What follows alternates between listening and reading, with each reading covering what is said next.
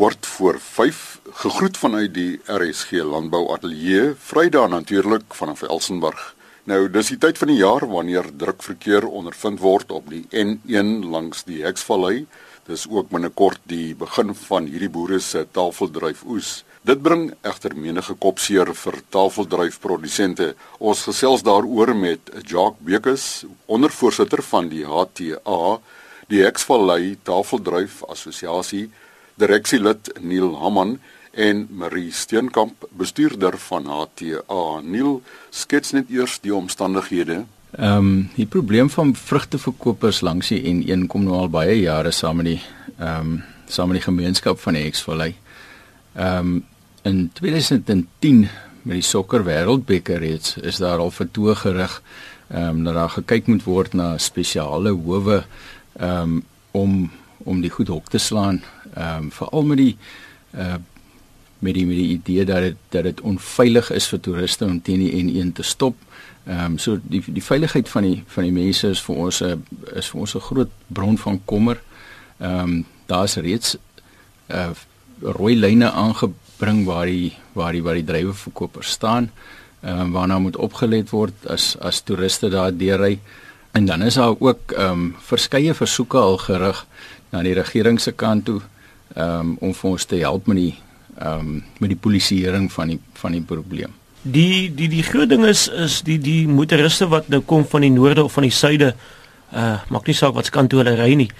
Hulle sien hierdie mense verkoop vrugte, druiwe langs die pad en daar's 'n behoefte mos maar van elkeen van ons om altyd vars vrugte te koop. Maar nou stop die persoon eerstens op 'n rooi lyn wat vir hom in 'n gevaar sit, maar die tweede ding is die persone wat die druiwe verkoop daar gaan baie kere 'n kriminele ehm um, faktor saam met dit. Hulle maak of hulle vrugte aan jou verkoop, maar met 'n doel om jou te beroof. So baie mense word onskuldig in 'n ding ingetrek wat hulle nie weet waarin hulle is nie.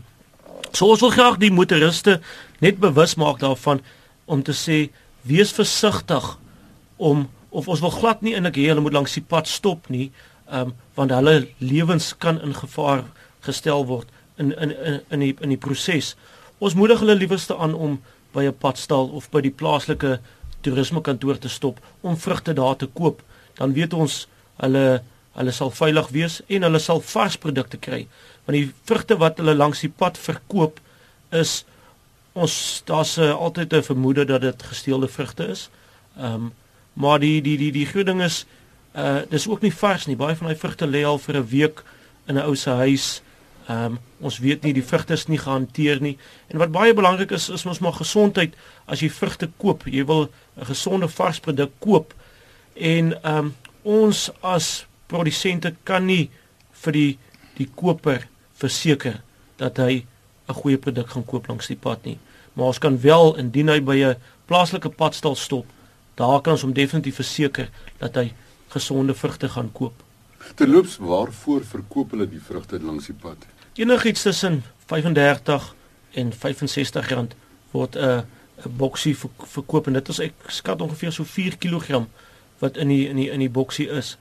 Maar die vir dieselfde vir dieselfde geld kan jy by die padstal gesonde vrugte koop.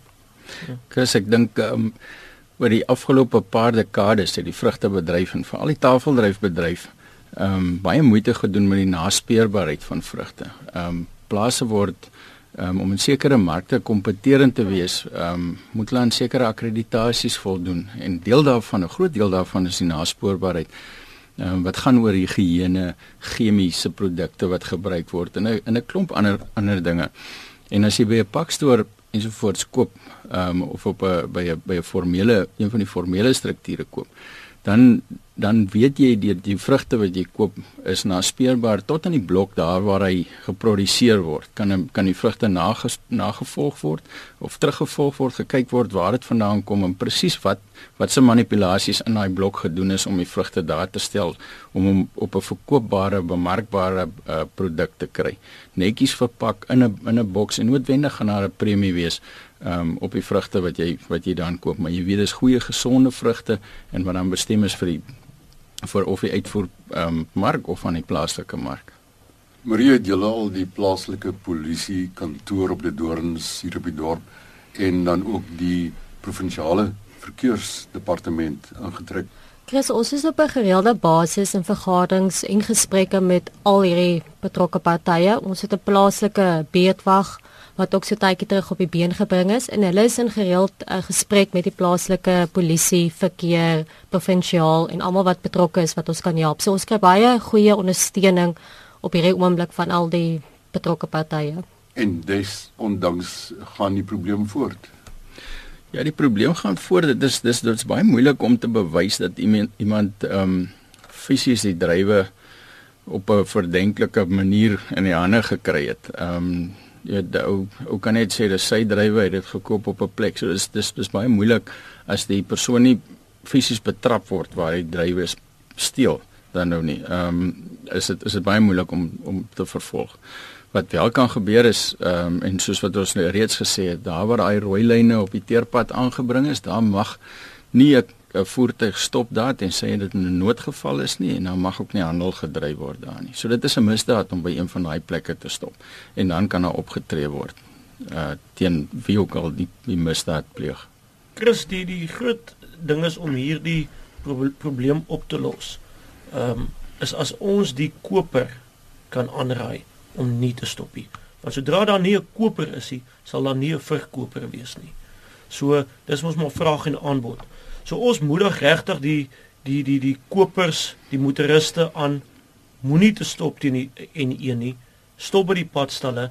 Ehm um, en dit sal ons ook help van hierdie persone wat die drywe kom pluk by ons op die plase. Baie keer gaan daar weer kriminele ehm um, faktor of ehm um, gepaard met dit wat ons plaaslike produsente weer in gevaar stel. Ehm um, en ja, ons het almal se samewerking nodig in Suid-Afrika om om Suid-Afrika beter te maak. Chris, wat ons baie keer ook sien is dat die dat die verkoper wat hulle hulle 'n paar kom ons sê soos 'n Engelsman sal sê tricks wat hulle doen en aan die onderkant van die karton pak hulle klippe en dan net bo op pak hulle die drywe. So dit lyk of jy nou 'n 'n boksie vol drywe koop, maar sodra jy hom in jou kar het, dan het jy maar eintlik nog net 'n 'n 'n klein bietjie drywe gekoop vir 'n vir 'n groot prys. So ja, daar is daar is hulle is baie hoe kan ek sê, hulle dink baie flink ook so nou en dan. Maar ek glo tog julle assosiasie het oor jare al koppe bymekaar gesit. Is daar dan nie 'n antwoord nie? Die die antwoord is as ons die koper kan kry om saam te werk met die produsente. Dit is die antwoord. Ons het al in, uit ons eie uit 'n paar keer probeer nuwe idees, dit werk nie. Ons het ons het Jan publiek nodig om ons hand te vat. Daar is nie 'n groot persentasie van van motoriste wat wat stop by die ehm um, by die by die plekke wat ons nou genoem het nie, want ek dink die meeste motoriste besef ehm um, van die veiligheidssituasie en dat hulle nie daar moet stop nie. Maar daar's altyd 'n klein persentasie wat moet opgevoed word en en wat moet ingelig word oor hierdie tipe goed. En is met daai motoriste, ek dink wat 'n mens gesels en wat 'n mens eintlik bepleit en vra maar um, kyk na jou veiligheid, sorg dat jy nie daar stop nie.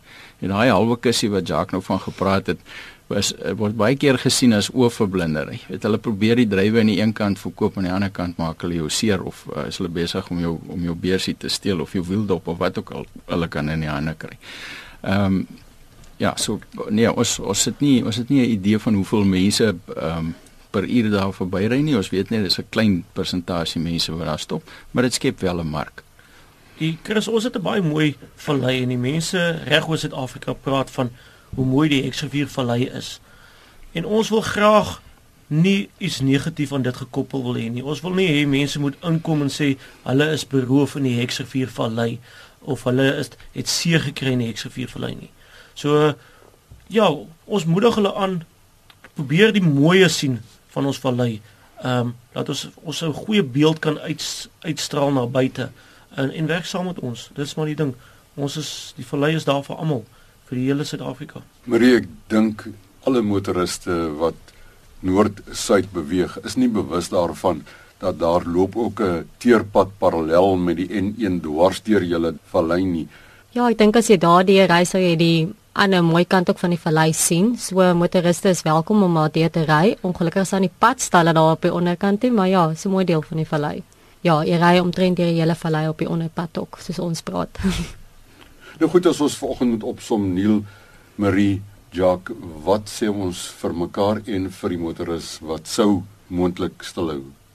Ek dink dis 'n dis 'n harde boodskap vir die vir die motoris wat wat wel sal stilhou op een van hy van hy rooi lyne of ehm um, want dis dis 'n misdaad wat gepleeg word. Dis net so goed soos wat jy ehm um, 'n stopteken vir my of jy op 'n dubbelstreep verbygaan. Ehm um, wat ek dink ook 'n groot kopseer is vir uh, meneer Afrika hulle by die verkeersdepartement veral oor hierdie oor hierdie seisoen. So ons wil motoriste bepleit om nie daar te stop nie. Ehm um, stop by die formele strukture wat daar is, ehm um, by die padstalle en uh en geniet die vakansie. Chris, ja, ons moedig hulle aan om by die padstalle te stop. Um werk saam met ons produsente asseblief en koop ons vrugte in Suid-Afrika. Um ons boere het julle nodig. Marie, ek wil jou tog vra as daar van die luisteraars is vanoggend wat met julle assosiasie in verbinding wil tree, die Hexvallei Tafeldryf Assosiasie. Waar is julle kantore en hoe kan hulle met julle kontak maak? Ons kantore is in die dorp, uh, maar hulle kan ons kontak by 023 356 2606 as hulle enige navrae het oor ehm um, die stop teen die N1 of waar hulle drywe kan koop kan hulle ons kontak.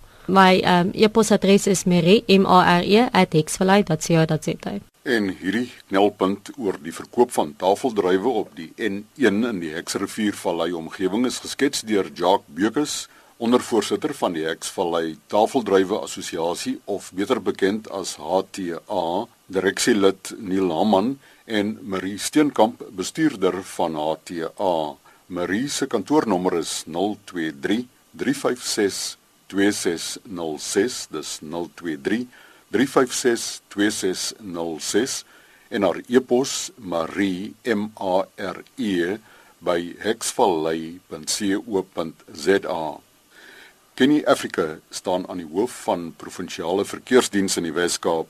Hy het vanuit sy voertuig kommentaar gelewer oor hierdie aangeleentheid. Ons uh, beskou dit in 'n baie ernstige lig uh, dat motoriste op die N1 veral um, in die Hexvallei stop uh, en dit is veral met die koop en verkoop van druiwe uh, langs die nasionale pad. Ons het vir daardie doel het ons in samewerking met die uh, padagentskap Sanral het ons rooi lyne aangebring uh, vanaf Sandhills reg deur die vallei tot aan die ander kant by die dorings waar ons mense dan verhoed om op die N1 stil te hou.